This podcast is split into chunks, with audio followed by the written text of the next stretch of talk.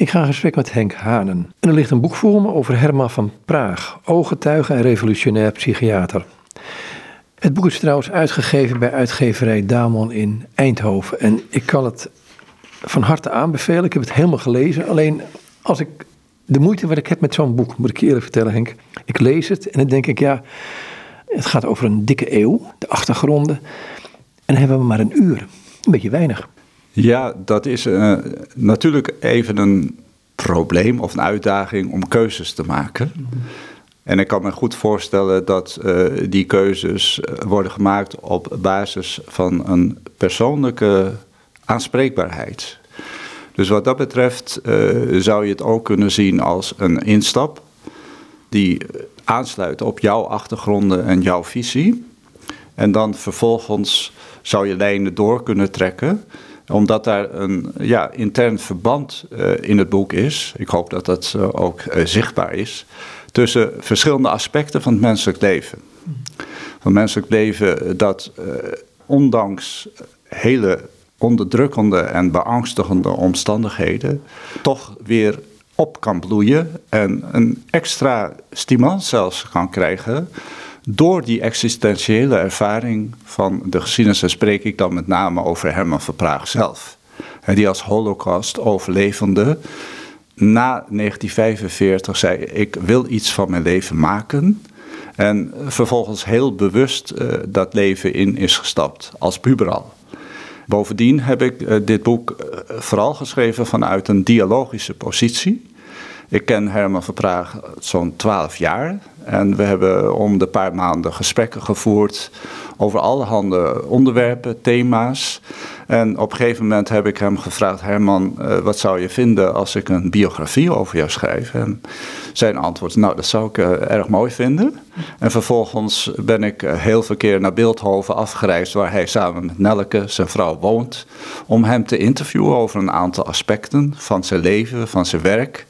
En daaruit bleek dat vanuit de visie van Herman eigenlijk toch een soort uh, ja, integratie of integratieve, uh, integrerende kracht aanwezig is hè, om zijn visie op uh, godsdienst niet los te zien van zijn visie op de psychiatrie om zijn existentiële ervaring in de kampen niet los te zien van zijn wijze van zien als psychiater van mensen die in mentale nood verkeren.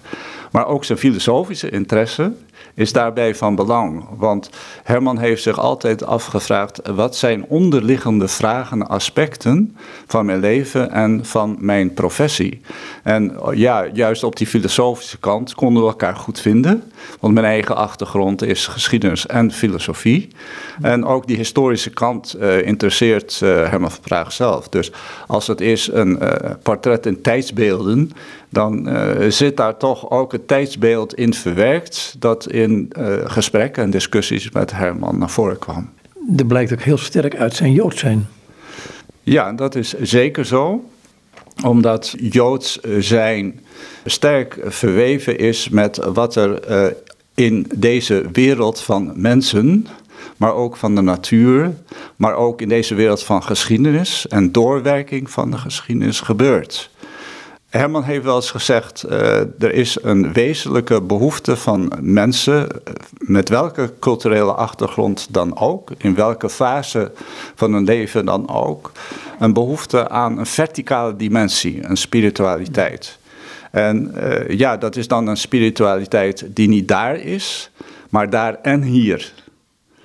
Dus op die manier is ja, die Joodse geschiedenis en de Joodse manier van redeneren vanuit dan wat de Talmoedische traditie heet, he, van discussiëren over bepaalde visies op mens, wereld, samenleving en geschiedenis, om daar juist uh, waarheidsgehalte in te vinden.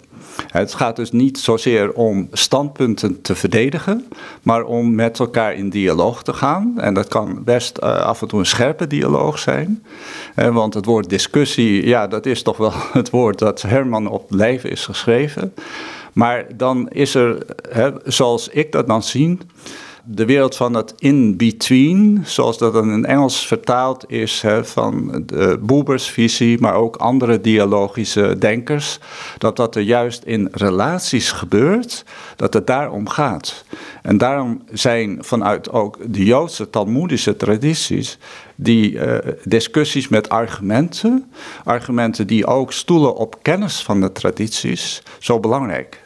Je had het net voordat het gesprek begon over. Ik hou zo van de, van de term de sprekende mens. Ja, die term, daar ben ik opgekomen door contacten met Mogobe Ramose. Dat is een filosoof die deels in Nederland en België zijn opleiding heeft gehad, omdat hij voor het apartheidsregime moest vluchten. Maar deels ook in Afrikaanse landen zijn uh, visie verder heeft ontwikkeld. Ik heb met hem uh, menig gesprek gehad. Ik heb ook uh, een aantal boeken en artikelen van hem gelezen.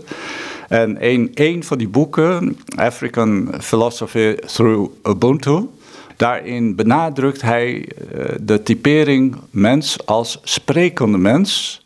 En dat impliceert ook de luisterende mens. En dat verbindt hij onverbreekbaar met de handelende mens. Een beetje duur gezegd, homo loquens en homo agens zijn niet los van elkaar te zien. Uh, spreken en handelen, vice versa, behoren elkaar te beïnvloeden. Hij zet dat een beetje af tegen de Aristotelische typering. Dus Homo sapiens, de denkende mens. En wat ik het mooie van de sprekende mens als typering vind, is dat daar het gesprekskarakter in benadrukt wordt. Niet alleen tussen persoon naar persoon toe, maar ook dat de persoon zijn gemeenschap, waartoe hij zich uh, verbonden weet, meedraagt en mee in het gesprek brengt. En dat is ook typisch, een, vind ik, bij de Joodse en ook christelijke tradities eh, terug te vinden. Je spreekt niet alleen namens jezelf, maar tegelijk vanuit een gemeenschap waarmee je verbonden voelt. En eh, zo eh, vind ik dat toch een veel mooiere en veel meer inclusieve benadering dan de denkende mens, waarbij toch ook wat eenzijdige nadruk op het denken ligt. Terwijl iedereen toch weet dat mensen eh, sterk ook emotionele wezens zijn. En dat juist gaat om de verbinding tussen emotie en verstand. Maar ook dat de mens een lichaam heeft. Het is niet alleen het hart. Maar ik heb wel eens gezegd dat het grootste zintuig van de mens is voelen. Het lichaam. De aanraakbaarheid. En ik denk eh, dat die tweeslag hoofd en hart niet voldoende is. Eh, dat daar het lichaam als derde bij hoort. Nu zijn we bij Herman van Praag. Ja, het uh, lichamelijke karakter eigenlijk van het Joodse geloof. Waarbij lichamelijk uh, ja, wat abstracter opgevat moet worden dan hè, het lichaam van een mens of een dier of een plant. Maar als aanwezig en zichtbaar, hoorbaar, waarneembaar in deze wereld. En dat lichamelijke zit ook dan in een uh, goede kennis van de geschiedenis. Want als je eh, het woord lichaam ook uitbreidt in de betekenis van verbondenheid hè, met uh, de geschiedenis van de gemeenschappen waartoe jij eigenlijk behoort, waar je uit voortkomt, dan kun je zeggen, ja, die lichamelijkheid zit er ook in dat besef van uh, geschiedenis. Het niet vergeten wat er is gebeurd. Opdat uh, wat je in de tegenwoordige tijd meemaakt en wat je verwacht en wenst voor de toekomst ook gedragen wordt en lichamelijkheid eigenlijk krijgt door die kennis. Ik hou naar een citaat van hem toe. Um, het is een citaat wat staat um, onder het kopje reizen door een wereld van woorden. En dan gaat het terug naar de Torah en de Bijbel. Ja. Als het gaat over de benadering van het judaïsme, is Herman van Praag nu aan het woord. Vooral dit, dat ik de Bijbel lees, over en over again. Natuurlijk lees ik ook in werken van Joodse denkers en rabbijnen. Van Jonathan Sacks bijvoorbeeld, eertijds opperrabijn en het Verenigd Koninkrijk. Hem heb ik zeer hoog staan. Net als Abraham Joshua Heschel, de filosoof van wie ik veel gelezen heb. Maar als je het mij vraagt, hebben zij jouw geloof rechtstreeks beïnvloed? Dan ben ik geneigd nee te zeggen. Mijn gedachten zijn gevormd door de Joodse geloofstraditie, maar zijn tegelijk heel erg privé. Ze komen op bij mijn eigen bestudering van de Bijbelse geschriften. Ik lees ze bijna dagelijks in. Op typisch Joodse manier probeer ik met teksten in gesprek te zijn. Het principe dan van commentaar op commentaar. In die lijn ben ik een tijd lang intensief bezig geweest met de figuur van Saul. Die krijgt naar mijn smaak veel te weinig krediet van de eeuwige. Voor je het weet, ligt het negatieve oordeel over Saul vast, zowel van God als van de profeet Samuel. Ik vind dat meedogenloos. Hoe geleerde tekstwetenschappers daar precies over denken, dat vind ik niet zo belangrijk. Ik wil zelf interpreteren. Wat staat er? Wat betekent het voor mij? In dat proces duw ik de psychiater in mij niet aan de kant. Toen ik levensverhalen aanhoorde van patiënten, dacht ik, of liever moest ik denken, wat zegt hij of zij eigenlijk? Wat ligt erachter? Mensen zeggen vaak niet rechtstreeks waar het op aankomt. Als lezer van de Tenach pieker ik op een vergelijkbare manier wat bedoelt de eeuwige? Wat zijn de motieven van Samuel, van Saul? Voor mij is een zelfstandige leeswijze van de heilige geschriften de beste manier om in de Joodse geloofstraditie te staan. Dat zegt natuurlijk iets over mijn karakter. Ik ben een tikje eigenzinnig, maar het is ook karakteristiek voor het Jodendom. Een tikje eigenzinnig, dat klopt wel. Ja, dat klopt zeker. Waarbij uh, het tikje nog af en toe wat eufemistisch uitgedrukt is. Ja, die eigenzinnigheid die heb ik ook wat vergeleken met uh, de eigenzinnigheid van Jean-Paul Sartre. Mm -hmm. Dat is dan zo'n verbindingslijn. Waarbij die uitspraak van Herman na 1945, ik ga iets van mijn leven maken, ook vrij radicaal wordt opgevat.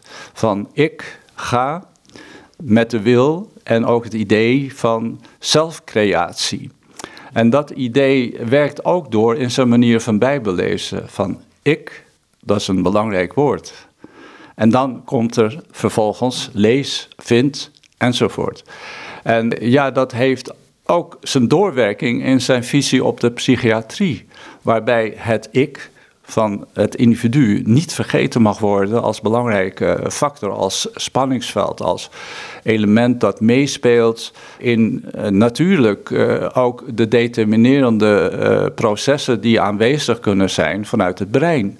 En natuurlijk ook vanwege alle diversiteit van omgevingsfactoren, van in welk gezin je opgroeit, welk kerkgenootschap je behoort, hoe je opleiding verder gaat, enzovoort, enzovoort. Maar dat ik, dat mag niet vergeten worden. En dus ook zie je daar een correspondentie met hoe leest Herman van Praag de Bijbel, de Tenach, maar ook de uh, Bijbel zoals voor christenen geldt, tot en met het Nieuwe Testament. En hoe zie ik de mens? Hoe zie ik mij en hoe zie ik de ander? Hoe zie ik de geschiedenis? want uh, we zullen het waarschijnlijk ook hebben over de visie van Herman van Praag. Op de beoordeling van Hannah Arendt van Eichmann. van Eichmann als persoon mag niet, Eichmann als een ik, mag niet vergeten worden. Want daar zit een fundament van waardenoriëntatie en navenant gedrag van mensen ook als individu. En dan kom ik weer even op Sartre, die uh, ja, de individuele vrijheid en verantwoordelijkheid op een nogal absolutistische, uh, ultra-radicale wijze benadrukte. Zover gaat Herman Verpraag niet. Ook de atheïstische benaderingswijze van Sartre deelt uh, Herman Verpraag niet. Maar de nadruk op de eigen verantwoordelijkheid, de vrijheid die je waar moet zien te maken als mens, ja, daar zit toch wel een correspondentie. En dat heb ik ook als lijn in de biografie proberen door te trekken. Je noemde Hannah Arendt al en dan kom je bij Eichmann en dan herinner ik me één zin die vaak naar voren komt. Het, zinnetje, de banaliteit van het kwaad. Uh, daar was hij het niet helemaal mee eens. Nou, helemaal niet. Want daarmee uh, haal je eigenlijk de menselijke persoon weg. En eh, dat is iets eh, wat Herman van Praag en eh, zijn lotgenoten toch ook hebben gezien. dat er zijn mensen in de jaren 30 en de jaren 40 in Nederland, maar in Europa geweest, die duidelijk zich het lot van de Joodse medeburgers aantrokken en daar ook risico's voor liepen. Er zijn mensen die op een minder riskante manier toch duidelijk maakten dat ze het er niet mee eens waren. Er zijn ook mensen geweest hè, die de verkeerde kant van de geschiedenis en van hun hart en van hun ethiek kozen. Maar er is een grote middengroep geweest, misschien, ik denk, een overgrote deel van de mensen, die eigenlijk op verschillende manieren wegkeken. En dat is opmerkelijk van Herman van Praag, dat hij deze groep mensen niet veroordeelt. Hij zegt, ik kan me dat voorstellen, dat die stap naar risico's nemen, dat dat een heel aantal mensen, omdat er verantwoordelijkheden voor het eigen gezin eerst gingen, en niet werd genomen. Dus uh, dat uh, is opmerkelijk bij een man die polemisch is ingesteld, dat hij aan de andere kant heel ruimhartig en niet fel, maar begrijpend kan reageren. Maar als het om Eichmann gaat en de banaliteit van het kwaad, dan is Hermans van Praag zijn eerste reactie dat hij eigenlijk rechtop gaat zitten en zegt maar dat kan niet, dan is het eind zoek. Herman van Praag heeft gezien dat mensen in kampen zoals Gemmeker, dus vol haat eigenlijk en ook met sadistisch genoegen toekeek wanneer eh, Joodse mensen, maar ook andere groepen in de veewagons werden gestouwd. Dus zijn directe waarneming van emoties van mensen die verantwoordelijk waren, ja, die is, eh, heeft een diepe imprint gekregen in zijn uh, geheugen. En in zijn visie ook op uh, ja, hoe was de verantwoordelijkheid van mensen die daar sleutelposities innamen. En zo ziet hij ook de rol van Eichmann. Eichmann was een persoon als persoon ook verantwoordelijk. En natuurlijk zijn er allerlei factoren rondomheen, van bureaucratische machinaties, onzichtbaarheid van het kwaad, waardoor de persoon van uh, Eichmann in dat proces in Jeruzalem hè, in 1960 Harry Moeders heeft ook een mooie reportage over geschreven. Hè? De zaak 4061, Eichmann, proces, een reportage ook ja, dat de schijn die in dat proces naar voren kwam, dat er alleen maar een boekhouder zat, of zoals Moelis zei, een gasfitter, zonder persoonlijkheid. Ja, dat is een schijn en ook een manoeuvre geweest om de straf die hem boven het hoofd hing, de doodstraf, om die te ontkomen. En er is trouwens ook een uh, interview geweest uh, van uh, Eichmann, met een gevluchte SS'er in Argentinië, waarin hij duidelijk uh, maakte dat hij zijn werk met veel plezier had gedaan, maar het eigenlijk nog beter wilde doen. En doorspekt ook met toch duidelijk een antisemitische toonzetting. Dus Herman die is het absoluut niet met uh, die stelling van de banaliteit van het kwaad eens. Er zullen ongetwijfeld banale trekken in de persoonlijkheid van Eichmann zijn geweest, maar het wezenlijke van ieder mens is verantwoordelijk. En uh, Eichmann had er plezier in, plezier in zijn werk. En dat was niet alleen dat van een boekhouder of van een gasfitter, maar van iemand die daar ook emotioneel bij betrokken was en op een hele negatieve en ja, ontzettende manier. Herman van Praag heeft Theresienstad meegemaakt, is de Tweede Wereldoorlog uitgekomen en ik lees daarin een stuk, um, wat jij erin schrijft, een boek, een stuk weerbaarheid is er over hem gekomen. Hoe ging het precies? Hij was daar met uh, zijn ouders en zijn uh, zus, Lineke. Maar in Theresienstad werden ouders en kinderen van elkaar gescheiden. En de kinderen onderling ook, jongens en meisjes. Dus hij was eigenlijk heel alleen. Iedereen in Theresienstad had een taak, moest werken.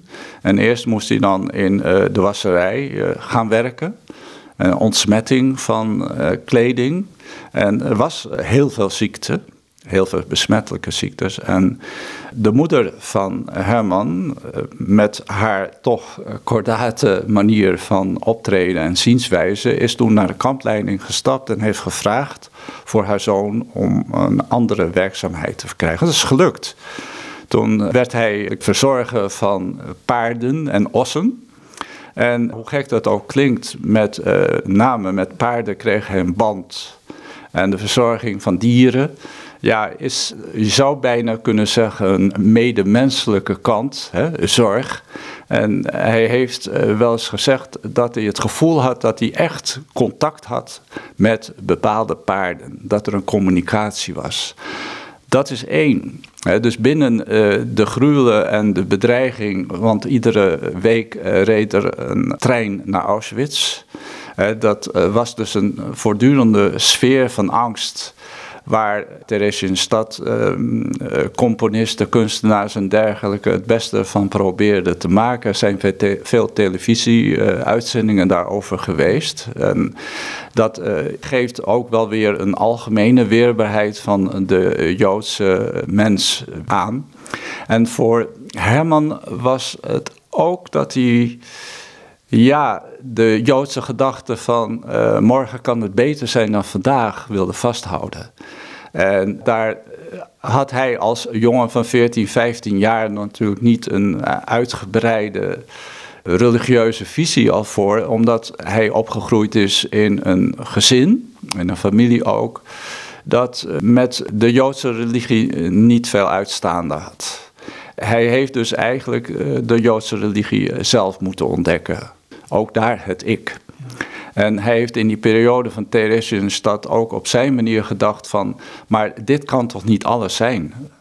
Er moet toch een macht, een creatieve aanwezigheid uh, zijn die dit te boven gaat, dat die deze werkelijkheid overstijgt.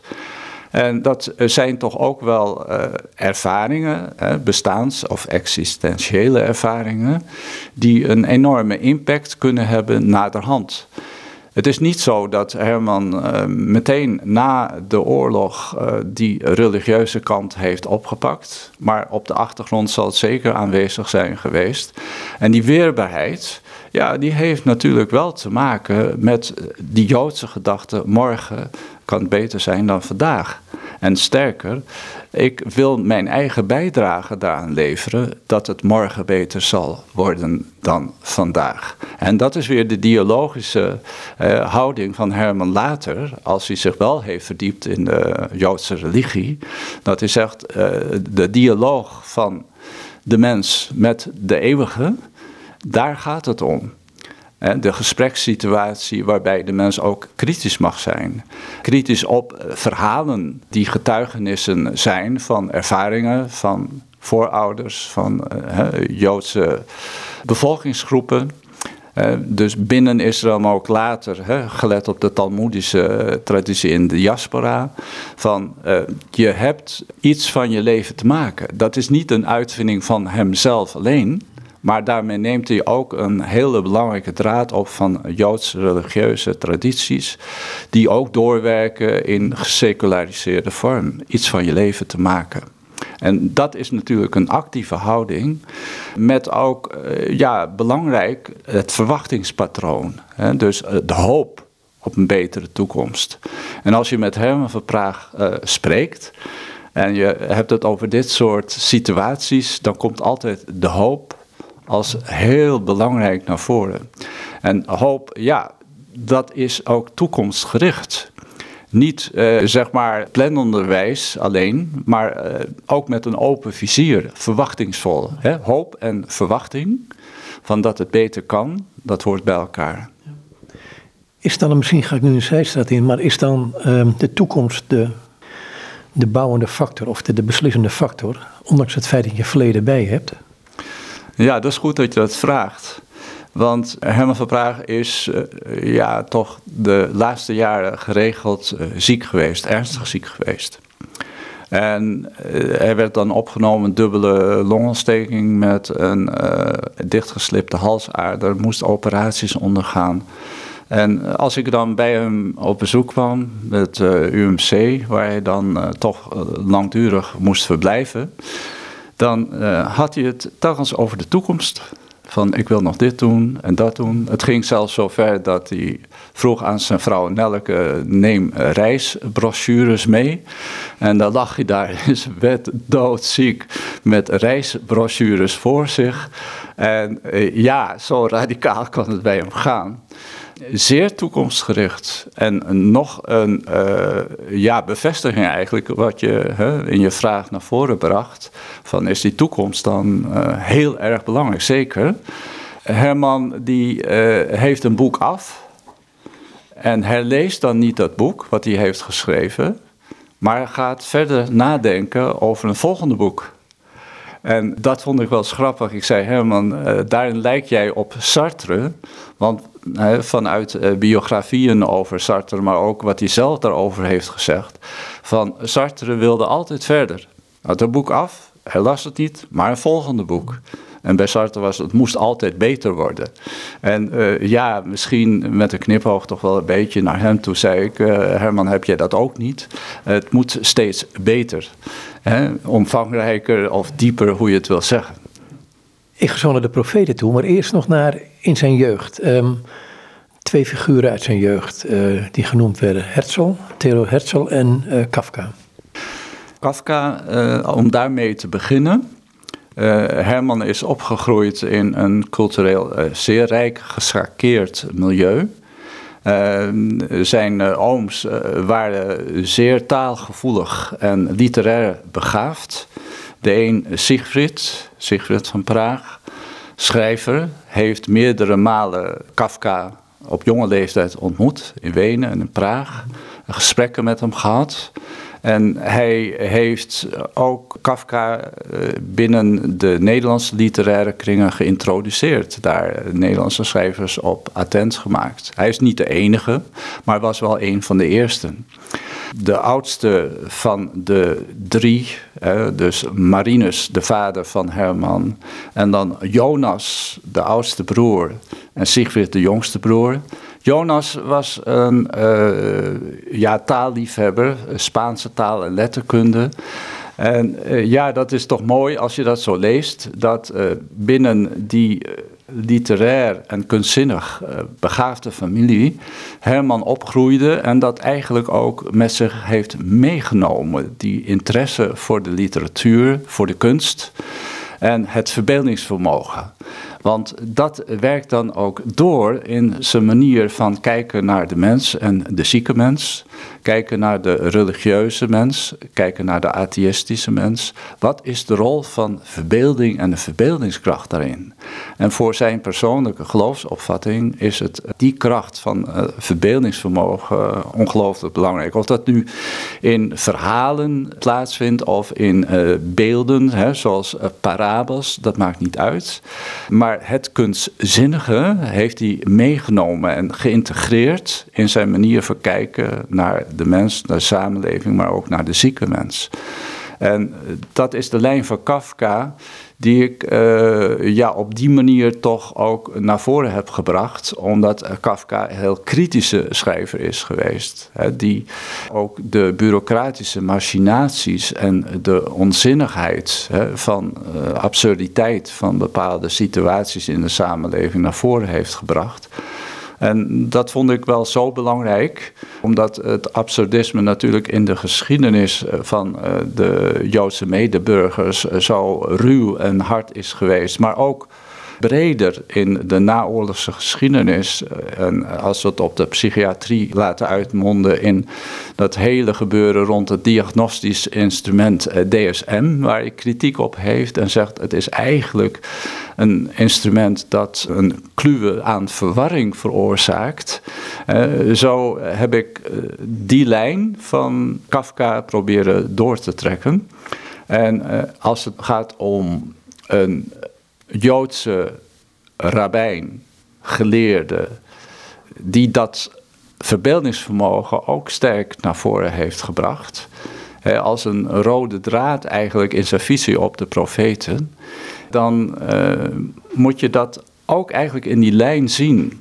Dat wil je een uh, levendige geloofsvisie, een uh, levendige interpretatie van geloof en van geschriften, hè, waarop dat geloof is gebaseerd, kunnen uitdragen, dan is het verbeeldingsvermogen en ook het inlevingsvermogen uh, onmisbaar en misschien wel het, het, belangrijkste.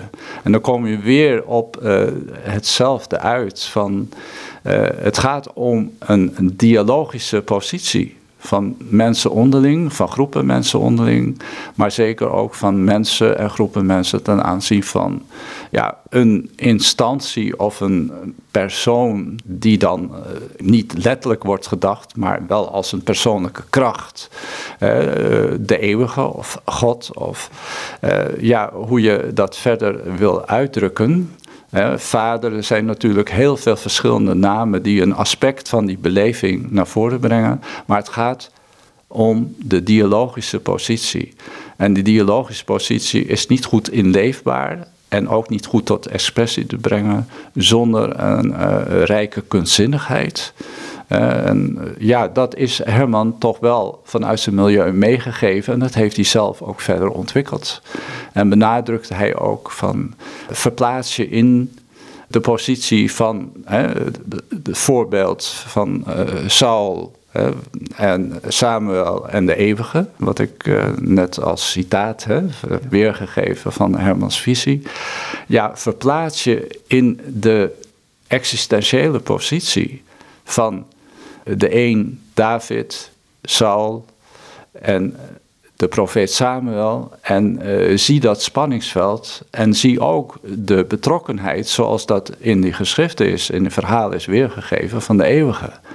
En daarbij is wel een belangrijk uh, Joods Talmoedisch principe dat het blijft en is en blijft mensentaal. Een weergave van ja, gebeurtenissen die nooit omvat kunnen worden in de taal. Dus er is altijd ruimte ook voor verschillende interpretatie. En die ruimte die is heel wezenlijk. En want zonder die ruimte kan er niet een echte dialoog en discussie ontstaan. Ja, dat was wel een klein voorschot op Abraham Heschel. Maar de tweede persoon die ik noemde was uh, Theodor Herzl. Ja, dat uh, is uh, een van de bekendste voorvechters geweest van het Sionisme. En nu is een ander aspect van de familie waarin Herman opgroeide, het Sionistische aspect. Zijn ouders waren daar sterk bij betrokken. Zijn ooms waren daar sterk bij betrokken. Zijn grootouders waren sterk bij betrokken. Dus dat is wel een, een lijn, intergenerationele lijn van Herman, uh, die hij heeft meegenomen. En in die periode dat uh, Nederland door de nazi's bezet was, uh, gebeurde het dat hij niet meer uitgenodigd werd door vriendjes. De, schooljuf en meester van de school waar hij in Schiedam school ging, die gingen zich anders gedragen en hij voelde zich toch vereenzamen. Maar hij voelde zich prima thuis in uh, Sionistische jeugdvereniging Habonim. En dat was een uh, niet-religieus opgezette organisatie. Specifiek uh, sociaal-democratisch, socialistisch zou je ook kunnen zeggen. En dat heeft hem ook wel uh, mee gevormd. Herzl is natuurlijk een icoon geworden. Uh, waarbij Herzl als verslaggever van een uh, Weens blad uh, ja, direct gemerkt heeft bij het proces Dreyfus in de jaren 90 van de 19e eeuw in Frankrijk. Waarbij Dreyfus als Joods officier van verraad, hoogverraad werd beticht. En er een proces dat echt politiek geladen was plaatsvond. Dreyfus moest schuldig bevonden worden. En daar werden hem aan Dreyfus in het openbaar de orders en uh, eretekenen van uh, zijn officier zijn afgerukt. En mensen die daar aanwezig waren, die begonnen te schreeuwen: Amor les Juifs, dus de dood aan de Joden. En ja, dat uh, bracht Herzl aan het denken van is de assimilatiepolitiek en strategie van Joden om zich aan te passen aan de Europese leven- en denkwijze, is dat wel veilig genoeg. En hij kwam in Wenen teruggekeerd na een aantal andere ervaringen tot de conclusie: nee, willen wij in de toekomst als Joodse gemeenschap ons beveiligen, dan moeten we dat zelf doen. En dan is daar een uh, nationale staat voor nodig. En op die manier is hij op zoek gegaan naar uh, gebieden waar dan Joden zich zouden kunnen vestigen en een eigen staat zouden kunnen stichten. En zelf heeft hij uh, ook gekeken in uh, Afrikaanse gebieden, Oeganda onder andere.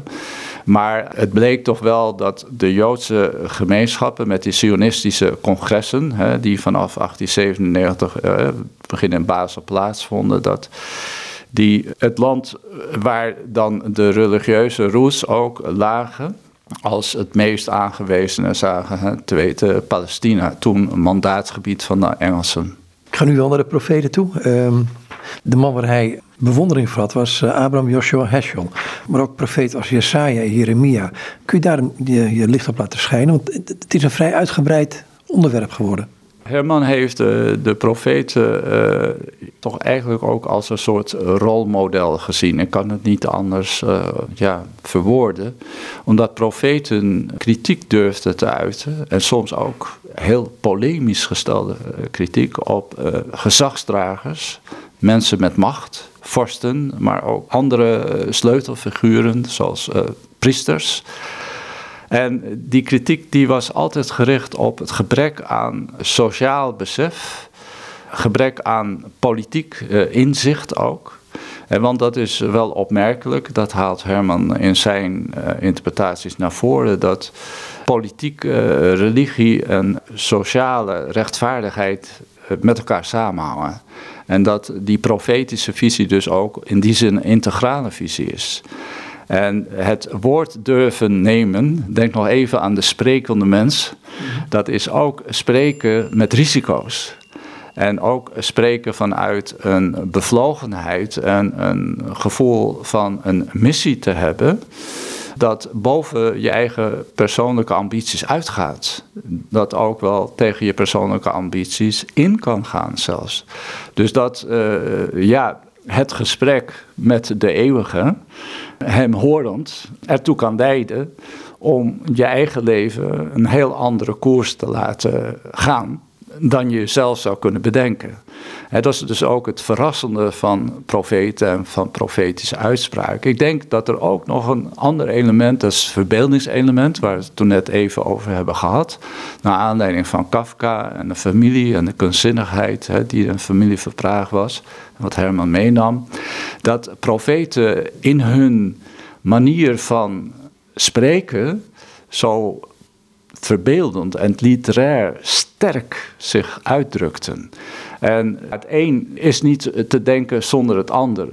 Wil je kritiek niet alleen van afstand leveren, maar ook participerend, hè? dus als deelnemer geven op de situatie en de machtsverhoudingen en verkeerde politiek en verkeerde scope op uh, de maatschappij, ja, dan uh, zul je ook in verbeeldende taal moeten spreken. En dat te meer om de verschillende bevolkingsgroepen met verschillende intellectuele ontwikkeling te kunnen bereiken. En dat spreekt mijzelf ook erg aan. In de tijd dat ik mij uh, sterk in de Bijbel verdiepte, waren voor mij ook de profeten de eerste, ja, het eerste boek eigenlijk dat mij aansprak, omdat de kracht van hun taal mij overtuigde. En dan kun je zeggen, ja, kun je dat beredeneren? Nee, eigenlijk niet. En dat is ook ja, het intuïtieve karakter dat natuurlijk meespeelt. waarbij je kunt zeggen, wat is overtuigingskracht? Dat is niet door middel van argumentatie, maar ook het eh, zien en gezien worden, het horen en gehoord worden. En het tevoorschijn zien en kijken en horen van mensen en van groepen mensen. En dat doe je niet in een, uh, ja, laten we zeggen, logische taal, maar in een verhalend geheel. En een verhaal uh, neemt de mensen ook mee. En dat is een belangrijk verschil tussen wetenschap en ja, een verhalende manier van benoemen van recht en onrecht. En ja, er is één profeet die voor Herman eigenlijk als eerste, en dan staat hij in de Joodse traditie, en dan het over Mozes naar voren wordt gebracht. En daar heeft hij in zijn laatste boek, Mozes Nalatenschap, ook op gewezen dat die constructie, eh, zoals uh, ja, Mozes dus uiteindelijk verwoordde vanuit een inspiratie bij de, de berg Sinaï, dat is een deling van macht van priestelijke macht en wereldlijke macht. En ja, de profeet die vervult eigenlijk een soort parlementaire rol. Hè? Kritisch volgend en in herinnering brengend dat het niet gaat om een vestiging uh, in het nieuwe en het beloofde land zonder meer, maar een vestiging van een uh, leefwijze en overtuiging die doordringt in die leefwijze en maatschappelijke ordening, waarbij sociale rechtvaardigheid uh, een ja, sleutelpositie eigenlijk inneemt. En eerlijk gezegd, ja, dat uh, zie je toch ook in het Nieuwe Testament terug als het om Jezus van Nazareth, uh, Jezus Christus gaat.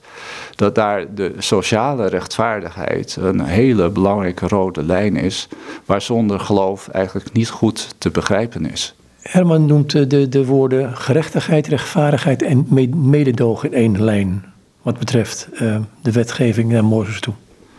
Jazeker, want rechtvaardigheid kan pas gepraktiseerd worden en kan pas geaccepteerd worden door groepen mensen en ook uitgedragen worden wanneer daar dat mededogen een rol speelt. En dat is natuurlijk ook uh, wat de psychiater uh, Herman van Praag, hè, die dit doorklinkt, van wat hij heeft gezien van mensen die in isolement geraakten en daardoor uh, ja, bijvoorbeeld uh, verslaafd werden aan uh, verdovende middelen of verslaafd werden aan, aan gokken of andere manieren van leven die je verder in het isolement brengen. En wanneer je als psychiater niet dat medemenselijke ook voelt, hè, binnen de professionele kaders die natuurlijk uh, aangehouden moeten worden, dan bereik je die patiënt niet.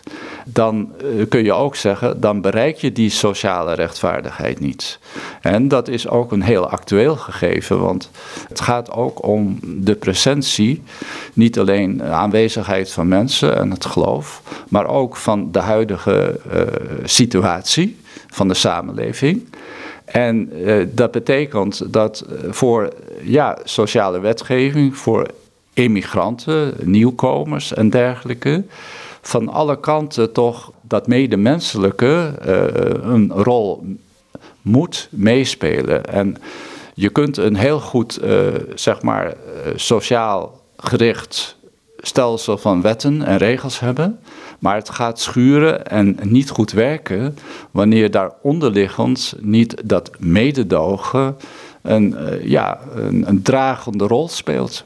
Kunnen we een stukje uit die profeten lezen? Want uh, je hebt het gevraagd in het boek of hij een stukje wilde lezen. En toen koos hij een stuk uit Jesaja uit. Vroomheid zonder oog voor onrecht wordt al snel schijnheilig, staat erboven onder andere. Dat is een stukje wat hij zelf verkozen heeft. Er zijn veel teksten van deze zieners die mijn hart raken en die ik hoog acht. Maar laat ik een keuze maken. Zo bijvoorbeeld de tekst van Jesaja die erop hamert aan arme en weerloze mensen recht te doen en tirannie te bestrijden. Vroomheid zonder oog voor onrecht wordt al te snel schijnheilig. Dan de tekst uit de Bijbel. En wanneer jullie voor mij verschijnen, wie heeft je gevraagd mijn voorhoven plat te lopen? Houd op met die zinloze offergaven. Ik heb een afschuw van jullie wierook, jullie feesten, nieuwe maan en sabbat. Ik duld ze niet naast al dat wangedrag. Van jullie nieuwe maan, van al jullie feesten heb ik een afkeer. Ze hinderen mij. Ik kan ze niet langer verdragen. Wanneer jullie je handen opheffen, wend ik mijn ogen af. Ook als je aanhoudend bidt, luister ik niet. Aan jullie handen kleeft bloed. Was je, reinig je, maak een eind aan al je misdaden. Ik kan ze niet meer zien. Vermeed alle kwaad en leer goed te leven. zoek het recht, houd tirannen in toom, bied wezen bescherming, sta weduwen bij. Heel praktisch en daadkrachtig. Jazeker. Want terugkerend op de typering van de mens van de Afrikaanse filosoof Mokobe Ramose, de sprekende mens en de handelende mens, die kun je niet uit elkaar halen. En zeker eh, waar misstanden zijn, sociaal, maar ook wat betreft ja, de kracht en de draagkracht van de Joodse religie in dit geval. Ja, daar zul je vooral de daadkracht, het handelen, voorop moeten stellen. Dat is dan de kritiek en de oproep tot hè, wat een Joods teshuva heet, hè, omkeer. En dat is wel uh, het mooie, vind ik, dat binnen de profetische traditie na de kritiek altijd de openheid wordt gegeven tot inkeer, tot omkeer. En wat dat betreft zie ik ook wel een lijn hè, naar Jezus van Nazareth en uh, Jezus Christus. Altijd bij echt berouw dat diep gaat, existentieel van aard is, een mogelijkheid tot omkeer. En ja, dat vind ik wel ook het mooie in die profetische tirades, hè, die daar dan toch geregeld voorkomen, dat die opening toch altijd aanwezig is. Sterker, dat eigenlijk naar die opening wordt toegeschreven, wordt toegesproken.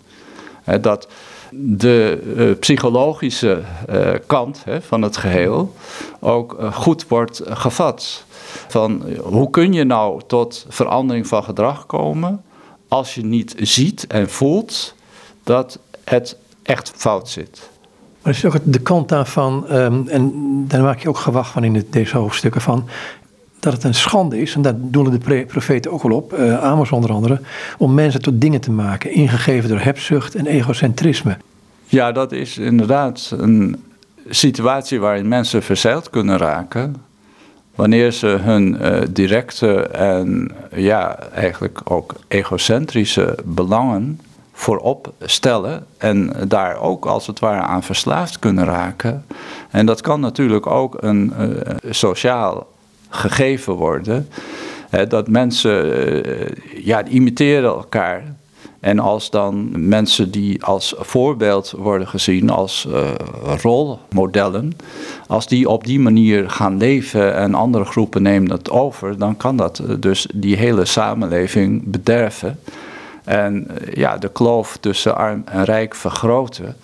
En op die manier zie je dat, dat egocentrisme van alle tijden is. Want dat is natuurlijk met uh, de Joodse uh, Bijbel, met uh, de Bijbel zoals de christenen met Oude en Nieuwe Testament zien.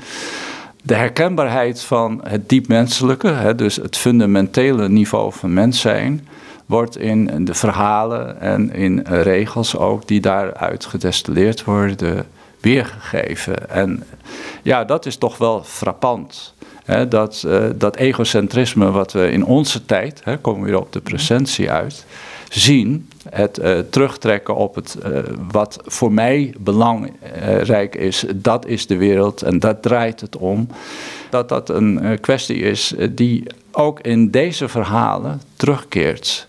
En deze verhalen, ja, daar is toch wel eigenlijk een dreiging van dat het mis kan gaan met de samenleving als geheel. En dat is ook wel, vind ik zelf, uh, in de tijd waarin wij leven, waarin allerlei sporen dood te lijken lopen, de fundamentele vraag van kijk naar de basismotieven die jezelf betreft, de basismotieven van de omgeving waarin je leeft, van de groepen waarin je thuis hoort. Klopt dat nog wel? Is dat uh, nou, niet te sterk op wat kortzichtige en te kleine belangen afgestemd. En ja, daar is toch dan ook wel, denk ik, uh, het idee van welvaart hè, is welzijn en het ja, gefocust zijn, het gefascineerd worden door een levensstijl waar heel veel geld, waar heel veel natuurlijke goederen voor nodig zijn, dat dat toch een fundamentele omkeer behoeft. En ja, vanuit die profetische kritiek zou je kunnen zeggen, is dat een, soort spiegel die je wordt voorgehouden voor het nu. En dus in die zin zie ik de Tenach, maar ook de gehele Bijbel, zoals vanuit de christelijke traditie uh, wordt gepresenteerd en wordt gevolgd, geïnterpreteerd, dat de verhalen en in het Nieuwe Testament de parabels iets zeggen over ons en niet over die tijd alleen. Uh, ik heb nog één vraag. Um, Aaron Appelveld. En dan gaat het even om um, het verhaal van een mens, heet het boek, meen ik. Um, waarin hij op een gegeven moment stelt, en dat, dat kom ik ook tegen bij Herman van Praag, dat de mensen in de kamp waren die de meest vreselijke dingen deden en dan uh, s'avonds weer naar huis gingen en aan tafel zaten, uh, waren met het gezin en de kerstvier, ik noem het maar op. Aaron Appelveld zegt hetzelfde. Hij dat waren mensen die geen cent te hadden en alles met zich deelden. En dan de mensen die dan fatsoen leken te hebben. Uh, ja, het was wel een dun laagje vernis. Die namen alles voor zich. Uh, dat aspect. Misschien het aspect fatsoen wel. Ja, Herman uh, van Praag kiest heel welbewust het woord fatsoen. En dan bedoelt hij dat niet al een kleinburgerlijke visie, maar eigenlijk heel fundamenteel. Dat betekent dat je op mensen en groepen mensen kunt vertrouwen, ook in situaties waar het om spant. Waarin je niet een uh, luxe positie hebt. En uh, ja, je anders kunt voordoen dan je bent wanneer het erop aankomt. En juist in die buitengewone situaties komen mensen voor verrassingen te staan. Misschien verrassingen voor zichzelf, heel pijnlijk kan dat zijn, maar ook andersom. Mensen die uh, ogenschijnlijk grijs van karakter en gedrag zijn, komen dan uh, juist naar voren in hun rijkdom die daar verborgen is. Uh, dus wij hebben wel eens stille wateren zijn diep. En ja, in die situaties waar het dan riskant wordt voor het leven, voor het eigen leven, kunnen die diepe wateren naar boven komen in al hun vruchtbaarheid en ook in hun inspirerende kracht. Misschien nog één tekst eh, tot besluit uit Jeremia, eh, die Herman van Praag heeft gekozen. er staat boven deze achtergrond en motieven raken van Praag, kritisch en sionistisch als hij is. De tekst van de profeet Jeremia is hem daarom lief. Eh, als je die kunt lezen nog, en dan laat ik het daarbij. Dit zegt de Heer van de hemelse machten, de God van Israël. Laat je niet misleiden door je profeten en waarzeggers. Hecht geen geloof aan hun dromen. Ze dromen slechts wat jullie wensen. Wat ze jullie in mijn naam profiteren, zijn leugens. Ik heb hen niet gezonden, spreekt de Heer. Dit zegt de Heer. Als er in Babel 70 jaar voorbij zijn, zal ik naar jullie omzien. Dan zal ik mijn belofte gestand doen door jullie naar Jeruzalem te laten terugkeren. Mijn plan met jullie staat vast, spreekt de Heer. Ik heb jullie geluk voor ogen, niet jullie ongeluk. Ik zal je een hoopvolle toekomst geven. Jullie zullen mij aanroepen en tot mij bidden, en ik zal naar jullie luisteren. Jullie zullen mij zoeken en ook vinden, als jullie mij tenminste met hart en ziel zoeken. Ik zal me door jullie laten vinden, spreekt de Heer. En ik zal je lot een keer brengen. Ik zal jullie samenbrengen uit alle volken en plaatsen waarheen ik je verbannen heb, spreekt de Heer. En je laten terugkeren naar Jeruzalem, waaruit ik je heb laten wegvoeren. Herman is naar Jeruzalem geweest. Hij is een jaar heeft in Israël gewerkt en het is er toch niet geworden. Ja, en dat houdt hem nog steeds bezig. Dat hij in het jaar waarin hij in het Hadassah ziekenhuis, verbonden aan de Hebrew University, toch niet kon redden. Laat ik het zo uitdrukken, want hij was daar alleen. Zijn vrouw Nelke echt steun en toeverlaat was in Nederland gebleven vanwege haar zoons die daar studeerden. En Herman die ja, had eigenlijk onvoldoende tijd en onvoldoende tijd misschien ook over om het Ivriet te leren. En als psychiater moet je direct in gesprek kunnen gaan met de patiënt. En de meeste patiënten die eh, spraken onvoldoende Engels om hun emoties, hè, die bij uh, psychisch deregulering, psychische problemen zo'n belangrijke rol spelen, naar voren te kunnen brengen, tot expressie te kunnen brengen. En hij liep, uh, kort gezegd, wat zijn ambitie betrof om een goede geleerde en praktisch psychiater te kunnen zijn, vast. En hij heeft naderhand toch gedacht en getwijfeld: heb ik wel de goede beslissing genomen? Maar aan de andere kant uh, ja, is uh, het Zionistische ideaal om in vrede uh, een rechtvaardige samenleving op te bouwen. Met alle moeilijkheden die daar dus in de geschiedenis hè, feitelijk ook zijn. Ja, is hem blijven bezighouden. En in New York, waar hij dan in 1982, 1992 als hoogleraar werd benoemd kon hij toch deels dat wat in Jeruzalem niet was gelukt, in uh, Klein Jeruzalem, zoals New York wel werd genoemd, alsnog uh, waarmaken. Omdat hij heel wat fellow researchers kreeg, ook vanuit uh, Israël. Wat dat betreft heeft hij toch voor zijn idee nog iets goed gemaakt. Uh, maar het was, dat gaf hij in verschillende interviews ook uh, regelrecht toe. Op een gegeven moment, ja, ik kon het niet. Het lukte niet. En waardoor het allemaal precies kwam, ja, een, een geheel, een kluwe van omstandigheden en ja, ook ambities en de lat die hij altijd voor zichzelf ook heel hoog heeft gelegd, dat hij daar in uh, het Hadassah eh, Hospital niet aan kon voldoen. En dan toch zo'n hoopvolle tekst uit Jeremia, hè? Ja, dat is natuurlijk wel zo. Van, uh, er zijn in het leven uh, ook teleurstellingen. En daar horen schuldgevoelens in dit geval duidelijk bij. Maar het is ook wel de levenskunst en de levenswil en ook uh, de drive vanuit joods-religieuze overtuiging bij Herman om niet bij de pakken neer te gaan zitten, ook niet wat betreft eigen schuldgevoelens. Want schuldgevoelens horen erbij, bij het leven. Daar is naar uh, idee van Herman ook een heel hoofdstuk, hè, wat dan door de uh, heersende psychiatrie en ook therapie wordt overgeslagen, namelijk het religieuze hoofdstuk. dus schuld uh, kan ook en heeft ook naar zijn overtuiging een religieuze kant.